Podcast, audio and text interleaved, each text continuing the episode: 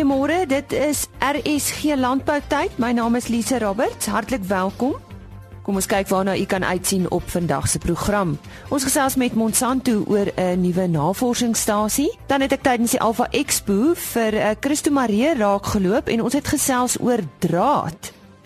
Dan praat Henny met Dr. Johan van Rensburg oor minerale aanvullings en Robert Scott van BKB vertel onder andere waar die Springbok kopmerk vandaan kom.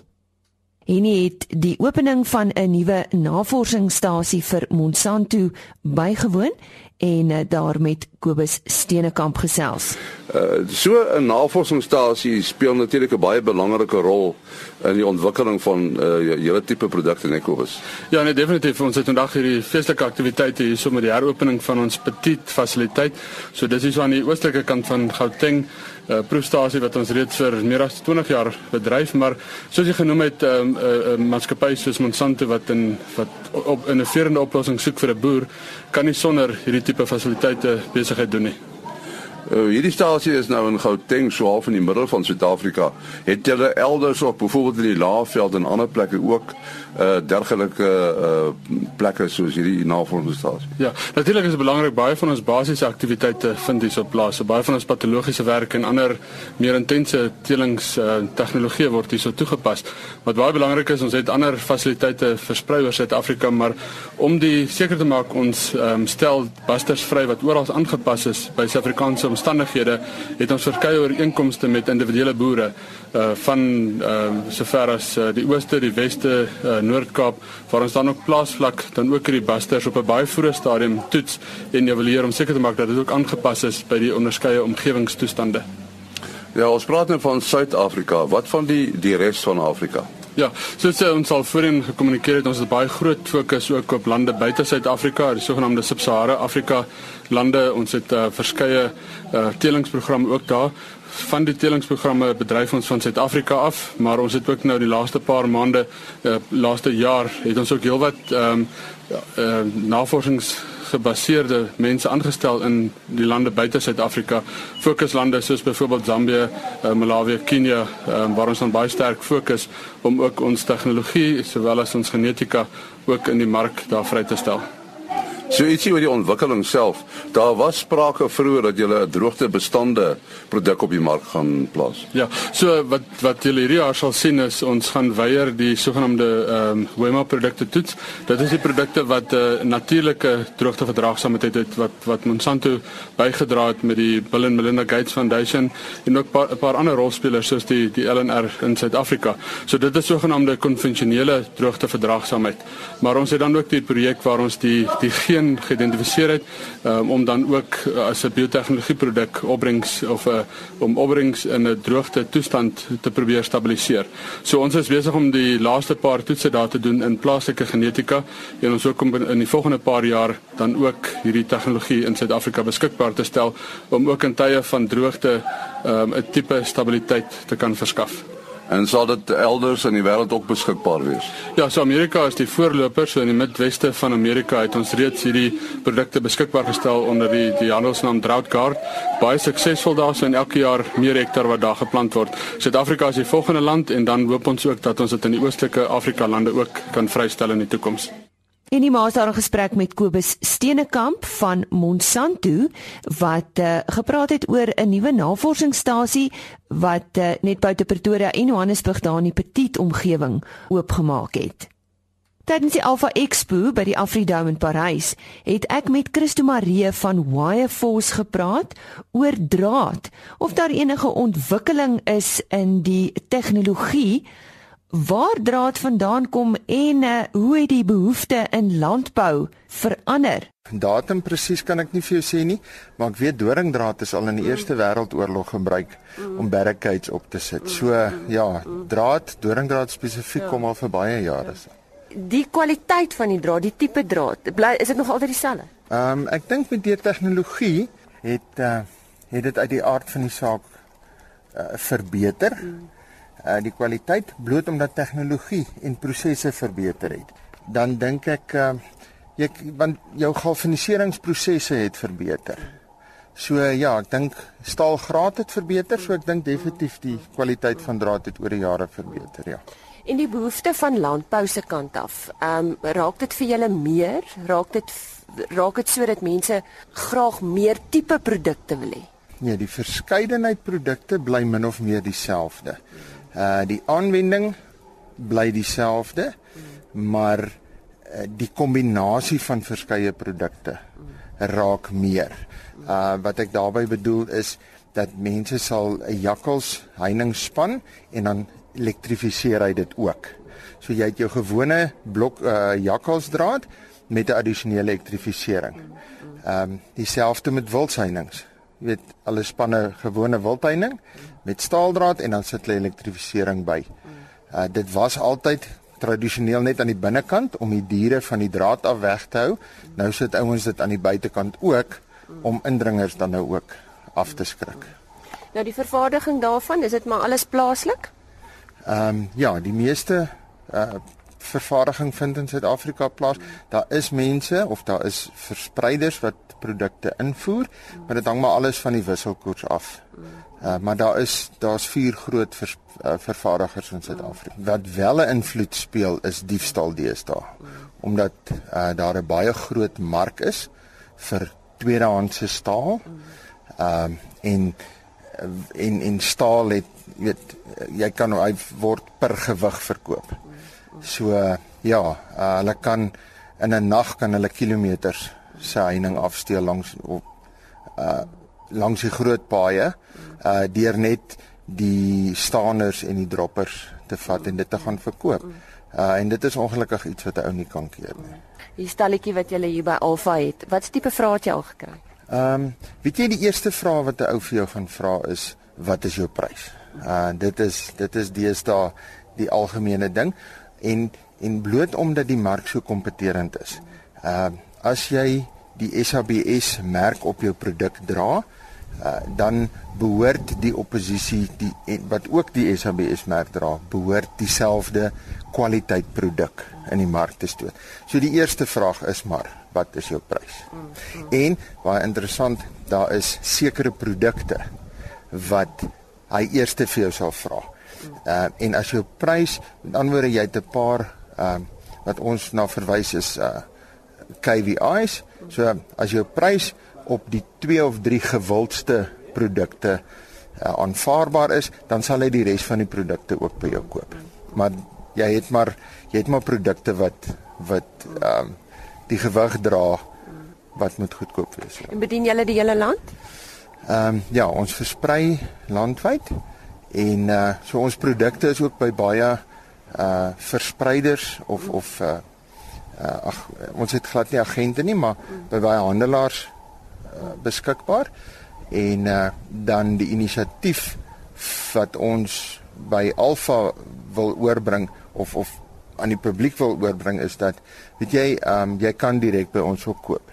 Ek dink die dae waar wat 'n vervaardiger kieskeurig was oor 'n spesifieke mark of 'n spesifieke kliënt. Ehm um, as dit nie alreeds verdwyn het nie, is dit besig om baie vinnig te verdwyn.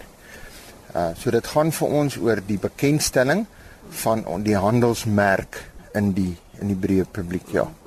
Vind julle dit boere veral boere wat van beesboerdery oorgaan na wild toe dat dit want dit het werklik toegeneem dat dit 'n invloed het op julle besigheid? Ehm um, ja, definitief. Ehm um, en en ek dink met met die kleurvariëteite wat oor die laaste 5 of 10 jaar dalk begin teel het, het dit net soveel meer toegeneem. Ek wil amper die Engelse woord snowball gebruik want dit is regtig wat gebeur het. Omdat uh tradisioneel het die oue wildsplaas gehad of 'n beesplaas en hy het letterlik as hy dit vereenvoudig, het hy vier kante toegespan. Sy hele plaas het net een heining gehad.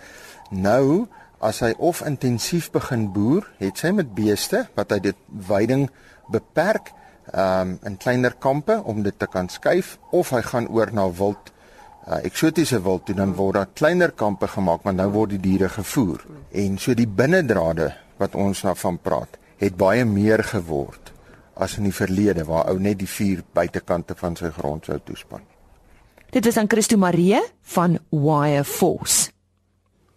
Ons uh, gaan nou so 'n bietjie gesels oor die rol van vitamiene en minerale. En ons praat met uh, Dr. Johan van Rensburg van Afri Wet daaroor. Nou uh Johan, ehm uh, daar is heelwat vee en wat produsente wat twyfel of of aanvullings werklik 'n verskil in in kudde se prestasie maak. Uh is dit 'n probleem in Suid-Afrika en hoekom? En ja, weet jy oor die afgelope seisoen en die afgelope 2-3 jaar benewens die droogte wat natuurlike dreineringseffek op ons op ons voedingsbronne gehad het.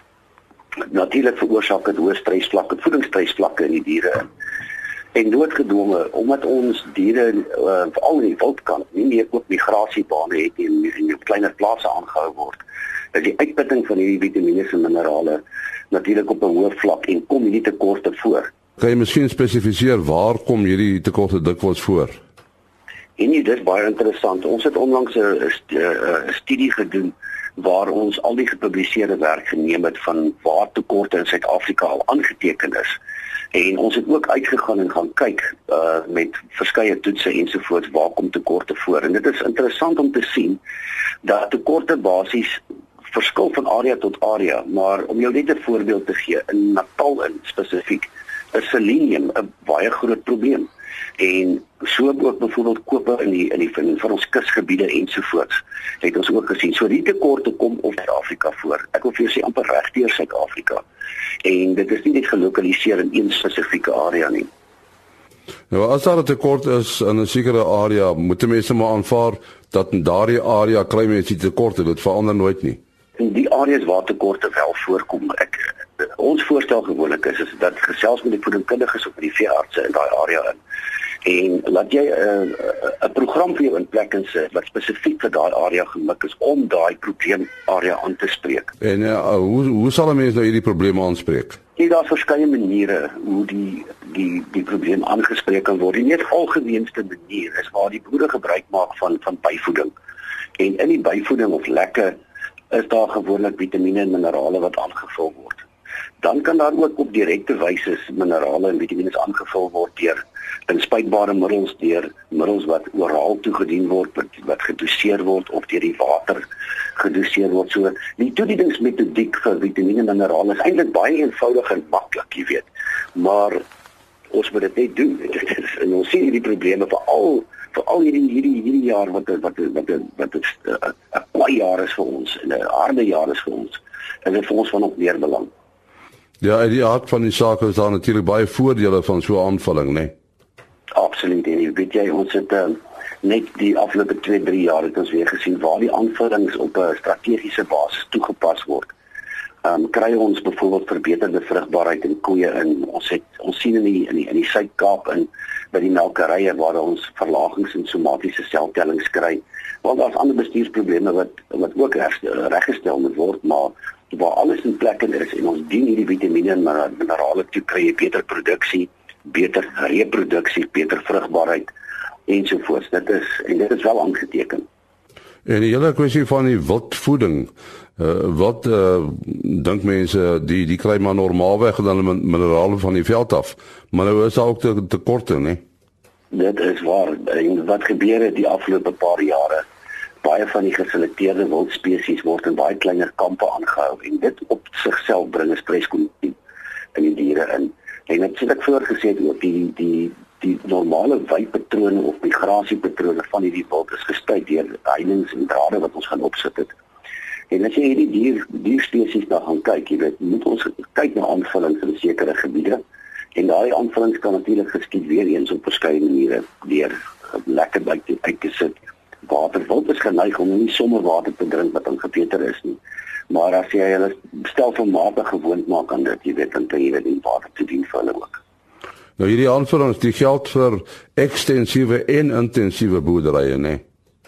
Absoluut. As jy kyk in jou intensiewe stelsel, soos byvoorbeeld by melkerye en by voedkrale vir beeste en skape, eh, vir hulle, ehm um, daar natuurlik 'n groter behoefte omdat die groei en die produksie so op 'n baie hoër vlak plaasvind en is die dreinering van hierdie vitamiene en minerale deur die liggaam baie hoër.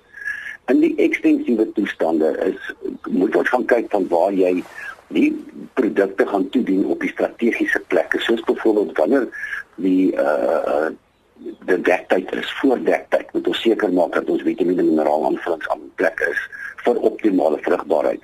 En natuurlik met kalwing, wanneer die koeie kalf of die die die, die lammes gebore word, die oeye begin lam, is dit weer eens 'n 'n kondisie produksie tyd, 'n kondisie tyd waar daar 'n groot behoefte is aan vitamiene en minerale.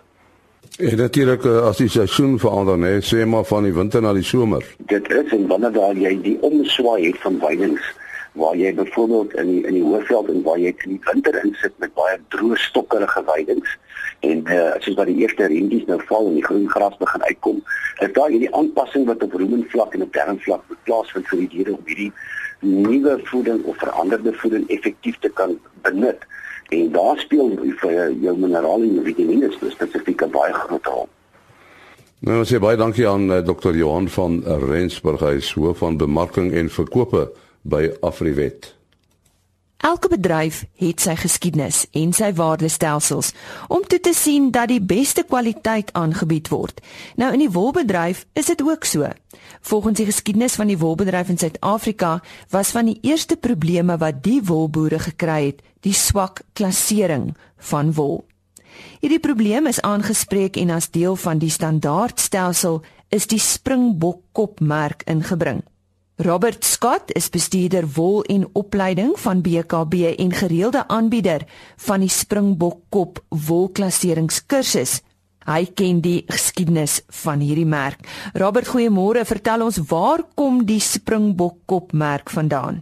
Ja, môre Lisa en luisteraars, um, om die die vraag te beantwoord moet ek so 'n bietjie in die geskiedenis teruggaan en 'n uh, paar datums net noem. Jy weet die uitvoer van Suid-Afrikaanse wol dateer terug tot sover as 1691. En en soos die eerste noemenswaardige hoeveelheid in 1700 verskep, maar die gehalte betreuringswaardig. Nou eers teen 1789 tot so met 1835 is wolskaap teelt uh, suksesvol in Suid-Afrika bedryf. Nou uitvoere was hoofsaaklik daai tyd na na Holland En so teen 1797 is die eerste baalwol na Londen verskep. Nou dit word ook egter aangeteken dat alreeds in die middel 1800s wolkopers in Engeland gesê het dat wol uit Suid-Afrika 'n ondergeskikte plek teenoor Australiese wol inneem. Nou nie net die kwaliteit nie, maar as daar ook kritiek teen die skeersel dat dit nie behoorlik gesorteer en op die mark gekom het nie. Nou so het in Januarie 1906 is daar tydens 'n openbare vergadering in Port Elizabeth die National Association of Wool and Mower Growers gestig wat hom dan beywer het om wol sistematies te klas en te verpak en dan ten einde ons wol van die slegte reputasie uh, te bevry wat dit op die Londense mark verwerf het. Nou was dit nie vir hierdie as ook ander verenigings en landboublaaie nie sou skaapboerdery oor die algemeen sekerlik nie die pyl bereik het waar dit nou staan nie. En dan sou ons wol sekerlik nie die goeie naam gehad het uh wat dit op die wêreldmark geniet nie. Nou op 24 Mei 1924 het verskeie rolspelers in die stadsaal van Middelburg, Middelburg Kaap, uh byeengekom om eenvormige standaarde vir die klassering van wol te ontwikkel wat dan later deur die Wolkongres goedgekeur was en dus in 1931 is die Springbok kopmerk dan amptelik as handelsmerk geregistreer. So 'n lang geskiedenis, maar in 1931 is die is die Springbok kopmerk dan amptelik uh, geregistreer.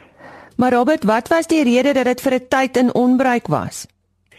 Ja, dit is ehm um, ons ons die tydperk laat 80s ehm um, was mos maar die boikotjare. Rugby liefers sal mos daai tyd onthou van die proteste en die dinge wat in Nieu-Seeland plaasgevind het en en so aan.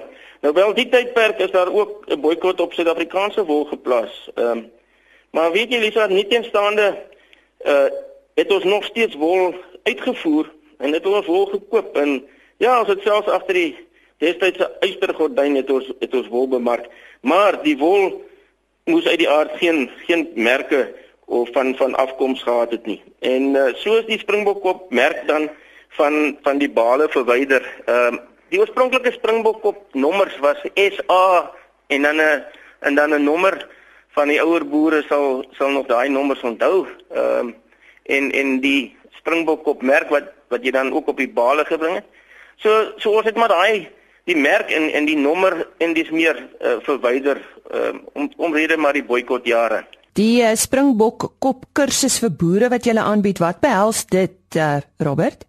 Ja, nou nou goed, 'n Springbok kop kursus, dis 'n uh, hierdie hierdie is 'n gesogte toekenning, dis ehm um, en hy word uitgereik uh, daar's basies 3 afdelings wat die kursusganger moet moet inslaag en en is 'n minimum van van 60%. Nou die eerste gedeelte is die is die stukkies klas.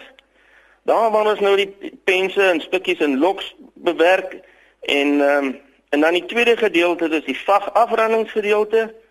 Uh dis nou die gedeelte waar die optel van die vag en die verwydering van jou rugwolle, uh jou vagstukke, uh jou vagstukke is nou jou broekwol, nekke en en dan jou afransels en dan ook die identifisering van hierdie verskillende hierdie dele as as ook dan 'n tipering van van wolmonsters. En dan die laaste gedeelte is dan in die wolklasseringsgedeelte.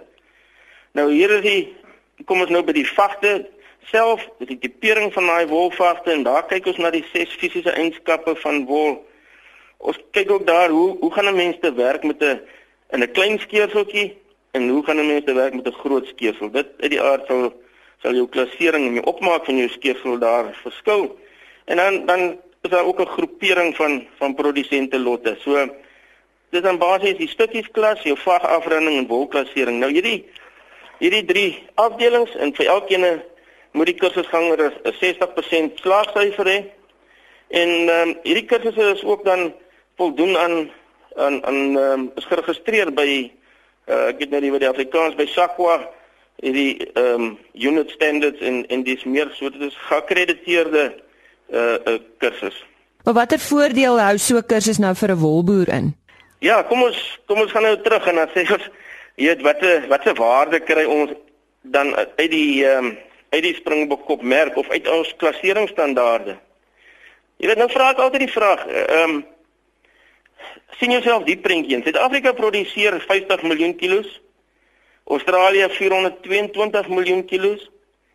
Uh China koop 70% van van wêreld wolmark. Nou logistiek gewys, waar lê China van Australië af teenoor Suid-Afrika? En dan verkoop ons wol 2% hoër ehm um, die afgelope paar seisoene as as die Australiese mark. Nou nou wat is die rede daarvoor? En dit is nie omdat ons beter wol het nie. Uh inteendeel, ons voer ramme van hulle af in. Maar daar's twee dinge. Ehm um, ons keesel is is beter geklas. Ons is die bes geklasseerde keesel in die wêreld. En dan um, en dan moet dit ook nie vergeet nie, dan ons keesel mos ook nou non-mules, jy weet ons mules ook nie. So dit is vir daai twee redes so saaklik dat ek dink ons het premie op ons op ons wil kry. En ehm um, ja, dit is ek dink om daai premie te te bewerkstellig is is te doen aan aan jou springbok op kursus of die die standaarde wat dan die klasseringsstandaarde is. Is daar belangstelling by jong boere om hierdie kursus by te woon? Ja, daar's ja, ek jy weet ons gee ek gee baie op landbou skole en uh, waar die kinders ook 'n keuse het. Jy weet hy kan 'n kaai kursus doen of hy dit of daai kan hy kan hy doen. Die kinders kry 'n keuse op landbou skool. Ehm um, ek gee vir landbou colleges ehm um, universiteit derde jaar BSc studente en dan ook uh, ek het nou onlangs so 2 maande terug 'n mooi groep jong boere gehad op Philipstown wat uh, besonder goed gegaan het ook daar. So die belangstelling is is is groot en die wolpryse wat dit so dit heidaglik is. Ehm um, is dit lekker om met met met die wolboere en die jong boere te werk en almal stel belang. Hulle hulle wil hulle skeersel op die beste manier of die beste manier klas en en aanbied. Ehm um, soos ek sê daar is is premies op. Nou dit klink asof jy ook uh, geniet wat jy doen, uh, Robert. Jy praat met soveel passie. Ja, nee, wat? Nee, dit dit is 'n ding. Jy weet, as ek hier aan wolf vat, jy sê ek altyd vir die mense kry onttrekkingssimptome. So uh, nee, dit is dit is so. Ehm um, en dit is lekker om jy weet, ek het nou 'n paar jaar kennis in die goeters en baie kursusse aangebied en om met daai kennis met met, met mense te deel is ehm um, is intendeel 'n besondere voorreg. Is nie reg om met wol te werk nie. Dit is 'n voorreg. Waar kan uh, ons meer te wete kom van hierdie kursus um, as daar mense is wat belangstel om dit by te woon? Ja, Lisa, hulle kan my skakel. Ek is Robert Scott van BKB. Ehm um, ek gee vir my selfoonnommer is 082 774 8763 of my e-pos is welkom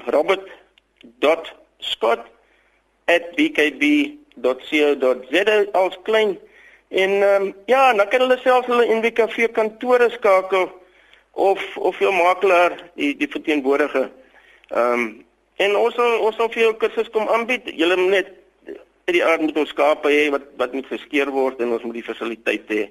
Maar ehm um, indien iemand belangstel kan hulle my gerus skakel. Dit is 'n soos ek sê dit is 'n gesogte. Ek kom in baie mense se kantore wie Lisa en dan uh is die die kenmerk of die sertifikaat van die van die Springbok op so gesog. Hy die man het 'n landbougraad en die hang ook aan sy kantoor en dan bo kan die sy sy landbougraad dan dan die Springbok opmerk. So die mense is trots as hulle die kursus voltooi het.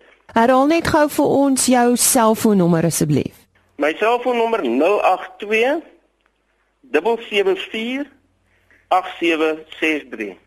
Nou ja, altyd interessant om oor so iets meer uit te vind. Dit was aan Robert Scott, bestuurder wol en opleiding van BKB en gereelde aanbieder van die Springbok kop wolklasseringskursus. En nou landbou nuus, die Afrika Ontwikkelingsbank in samewerking met die Internasionale Instituut vir Tropiese Landbou het befondsing van sowat 1 miljard Amerikaanse dollar toegestaan aan 'n projek om werkloosheid onder jeugdiges op die Afrika kontinent te bekamp.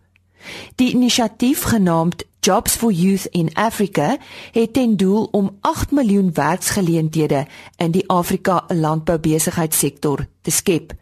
Die maatskappy sal ook landbouopleiding en opleidingsgeriewe verskaf. Na raming beskik 3 uit elke 5 jong of jeugdige werksoekers in Sub-Sahara Afrika nie oor die nodige opleidingsvlakke om in die arbeidsmark mee te ding nie. In 2014 was die persentasie werklose jeugdiges in Suid-Afrika op 51,5% geraam. In Namibië was die syfer sowat 40% en in Algerië 28%. Môreoggend op RC Landbou, ons praat met Dr Marita van der Merwe oor internasionale standaard vir wildsvleis in Suid-Afrika. Een van ons medewerkers daar in die Oos-Kaap het by die Summit Wildveiling gaan inloer. Onthou dit is dan môreoggend RC Landbou net so na 05:30. Totsiens. RSG Landbou is 'n produksie van Blast Publishing. Produksieregisseur Henny Maas. Aanbieding Lisa Roberts. En uitskoördineerder Martie Kerstyn.